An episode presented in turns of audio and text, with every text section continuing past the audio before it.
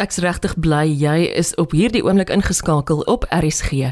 Of jy self deel van die landbousektor is, al dan nie, is ek byna seker jy gaan die program interessant vind en iets leer wat vorentoe vir jou van waarde kan wees.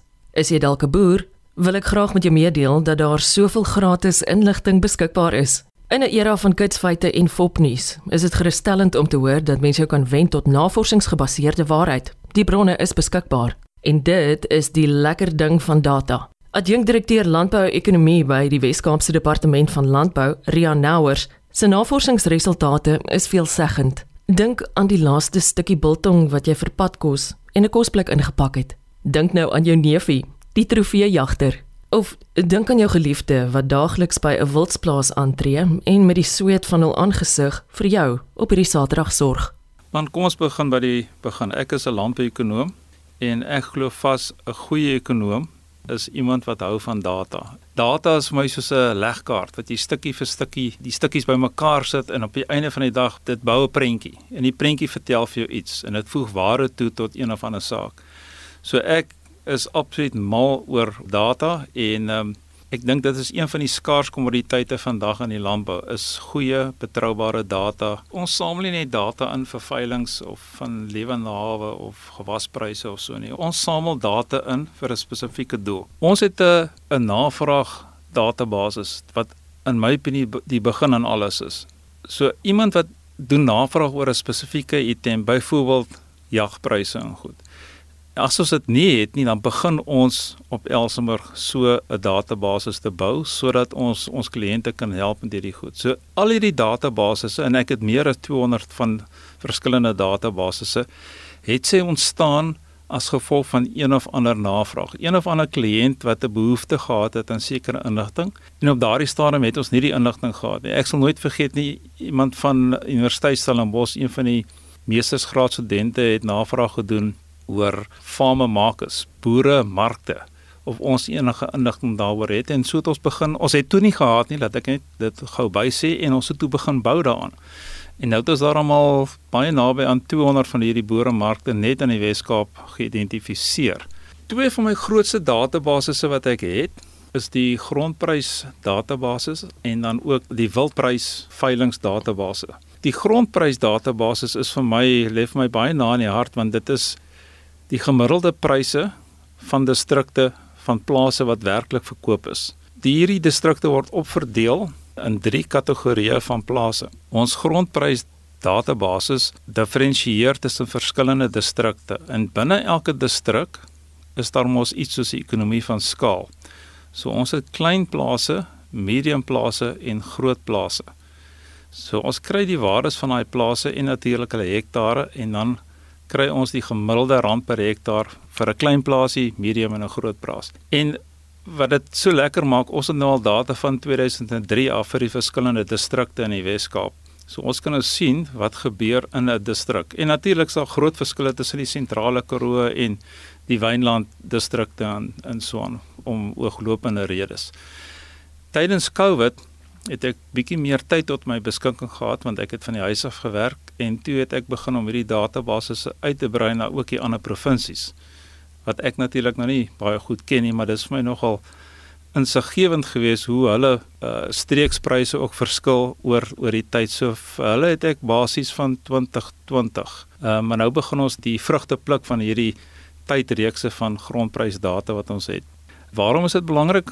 Boere wat miskien hulle plaas wil verkoop of boere wat of iemand wat 'n plaas wil koop. So ons kan vir hom sê in daardie distrik, hierdie grootte plaas, dit is wat jy rand per hektaar kan verwag om te betaal of wat jy kan kry as jy dit verkoop. Dan my sekerlik my grootste database wat ek het, is die wildveiling database. Nou daar's oor 1500 verskillende wildkategorieë wat ek daarin het. Detailpryse van elke kategorie van elke spesies wat ons die gemiddelde prys en dan die maksimum prys ook kry tussen al die jare. Daar is van hierdie data wat al van die 1980s af uh strek. So op hierdie manier kan ek nou ek kan nou bepaal wat die omvang van die wildveilingbedryf in elke spesifieke jaar is. En ek kan nou sien hoe dit gegroei het. Byvoorbeeld verlede jaar het ons 'n rekordgetal wildveilings gehad. Ek dink dit was 166. Ek praat nou die fees uit. En natuurlik as gevolg van die rekord aantal wildveiling het ons ook die meeste wild verkoop wat hier baie naby aan die 60000 stuks wild is wat amptelik verkoop is. Natuurlik is daar ander private transaksies wat ons nie het nie, maar dit gee vir ons baie goeie data om te gaan kyk of om te kan motiveer watter strukturele veranderinge het plaasgevind in die wildveilingbedryf. Ons diferensieer tussen verskillende lotte, aanlyn verkope en lewende verkope. As ek die tyd gehad het wat ek graag sou wil navorsing op doen, is die bydrae wat 'n wildveiling in 'n dorpie het op daardie spesifieke dorpie en sy mense. Die mense wat van verskillende plekke af inry, wat kom brandstof ingooi daarso wat verblyf het. Uh, ek dink mense jy gaan verras wees as jy sien watter mm. kontant inspuiting 'n wildveiling op 'n spesifieke klein dorpie. Gewis. Ek het ook nou onlangs het mense vir my navraag gedoen oor jagpryse en goed. Nou, nou ek weet niks van die jagbedryf af nie, maar as 'n ekonom is dit vir my lekker om die syfers in te samel van verskillende safari plase of jagplase en ek het begin nou die afgelope paar jaar om so 'n database te bou en nou kan ek sien wat die gemiddelde pryse hoe dit verskil van een jaar na die volgende jaar en of daar sekere tendense is met sekere spesies of nie. So weer eens enige iemand wat vir my skakel en wil vra, hoorie, wat kan ek betaal om 'n sekere spesies te skiet. Ek uh -huh. kan mhm. vir hulle sê wat die gemiddeld is van bykans 100 van hierdie safari plase. Of as iemand uh, vra wat wat moet hy vra mhm. -huh. om spesies te in die mark te sit, weet dat die ouens kan jag. So ons het nou regtig empiriese data wat nie uit die lug uit gesuig word nie. Mense kan kom na ons toe en ons voorsien hulle gratis van hierdie data. Goed. Rian, jy sê altyd data is op plaasvlak. Wat beteken dit?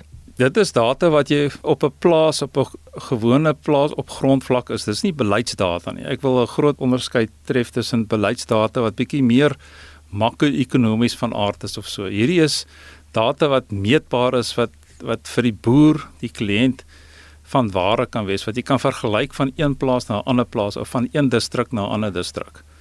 Dis hoe ek dit sien. Wat sê jy sê is 'n vername bydra wat sosiale media in jou lewe maak ten opsigte spesifiek van veilinge? Ek is baie bly jy vra dit want ek het nou ehm um, toe ek begin het met al hierdie databasisse het ek baie staat gemaak op webtuistes. En dit was fantasties geweest en het my baie gehelp, maar ek het sommer nou die laaste 3, 4, 5 jaar agtergekom dat hier's hierdie webtuistes word nie op datum gehou nie. En dis my persoonlik baie kommerwekkend want dit vertel daarom iets van jou organisasie. So in my opinie as jy 'n webtuiste het, moet jy dit byhou of jy moet dit los. Dit moet akkuraat wees of jy moet uh of jy moet dit maar eerder los. Die meeste data wat ek nou gebruik, kry ek vanaf die sosiale media.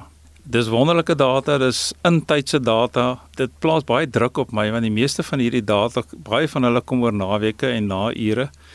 En as ek dit nie onmiddellik gryp nie, as ek so kan stel kan gryp en daai data in Engels 'n screenshot vat en dit stuur vir my wat ek later kan gebruik nie, dan dan gaan dit al verlore in hierdie see van sosiale media. Maar uh, ja, ek ek kom agter dat instansies en individue maak baie gebruik van sosiale media om hulle inligting, hulle pryse, hulle bemarking te doen. So sosiale media is absoluut die die pad vorentoe wil dit vir my voorkom.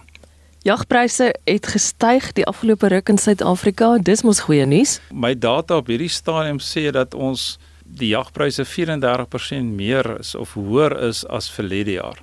Dis natuurlik baie wyd. Mense moet meer gaan kyk na spesifieke spesies en gaan kyk watter spesies het die grootste stygings getoon.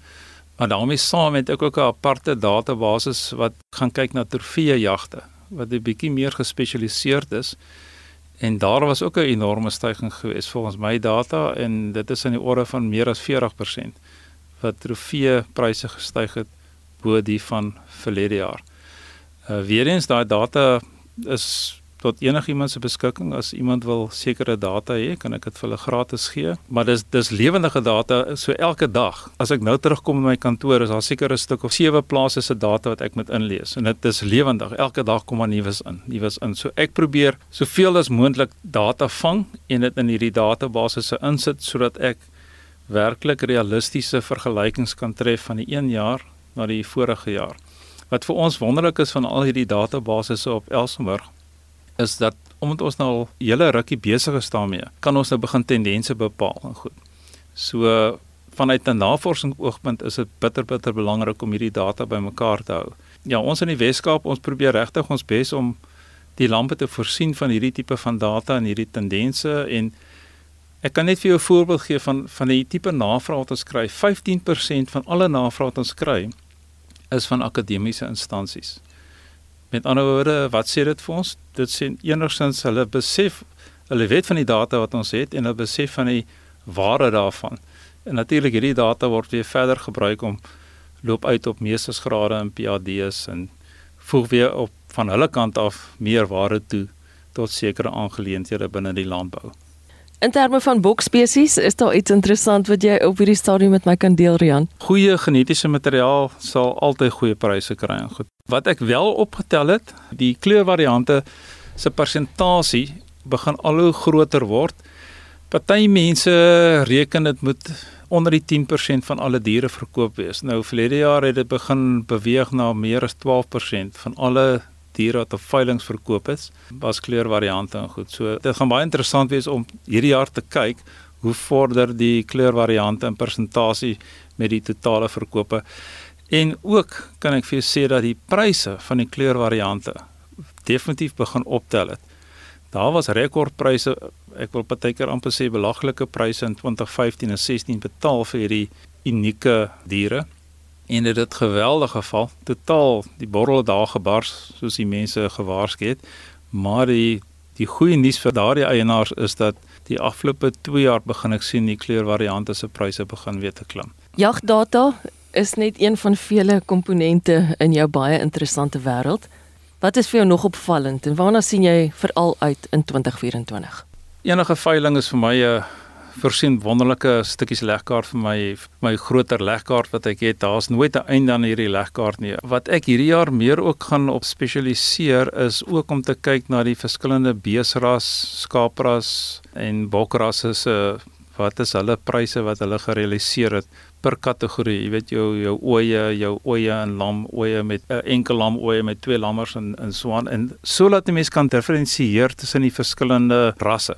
Jy weet tussen 'n merino en 'n doenie merino of tussen 'n bonsmara en 'n bovelder beesras. Met die data wat ons het, kan ons interessante grafieke trek en ons kan hierdie grafieke vir ons voorligters voorsien. Hulle kan dan dit gebruik om die nuwe boere te adviseer watter rasse is miskien die beter ras om daardie spesifieke gebied te gebruik wat finansies betref. Weereens ons hou rekord van hierdie pryse oor die jare so ons kan sien waarna toe is elke ras op pad.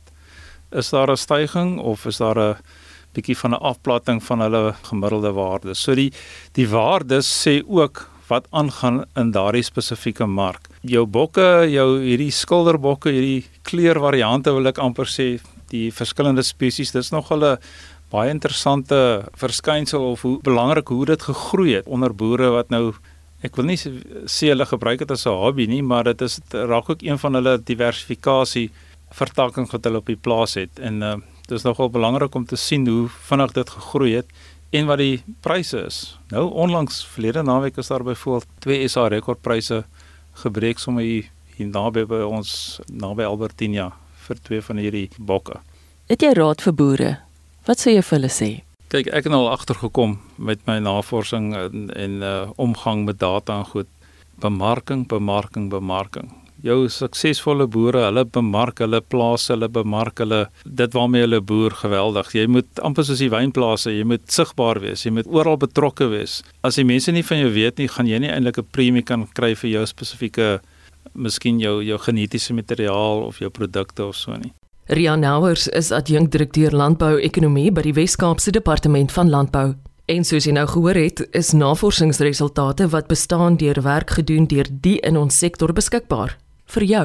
Wat dit ook al is waarmee jy jou naastes bederf rondom vanmiddag se braaivuur of die vonkel wat later by 'n bruilof glasvol maak, is landbou onlosmaaklik deel van my en jou in die diepste wese van ons menswees en oorlewing. Deel gerus die program met iemand anders na jy dit gevind het op RSG se webtuiste. Ek is Eloise Pretorius en ek wens jou 'n gelukkige week. Tot volgende keer.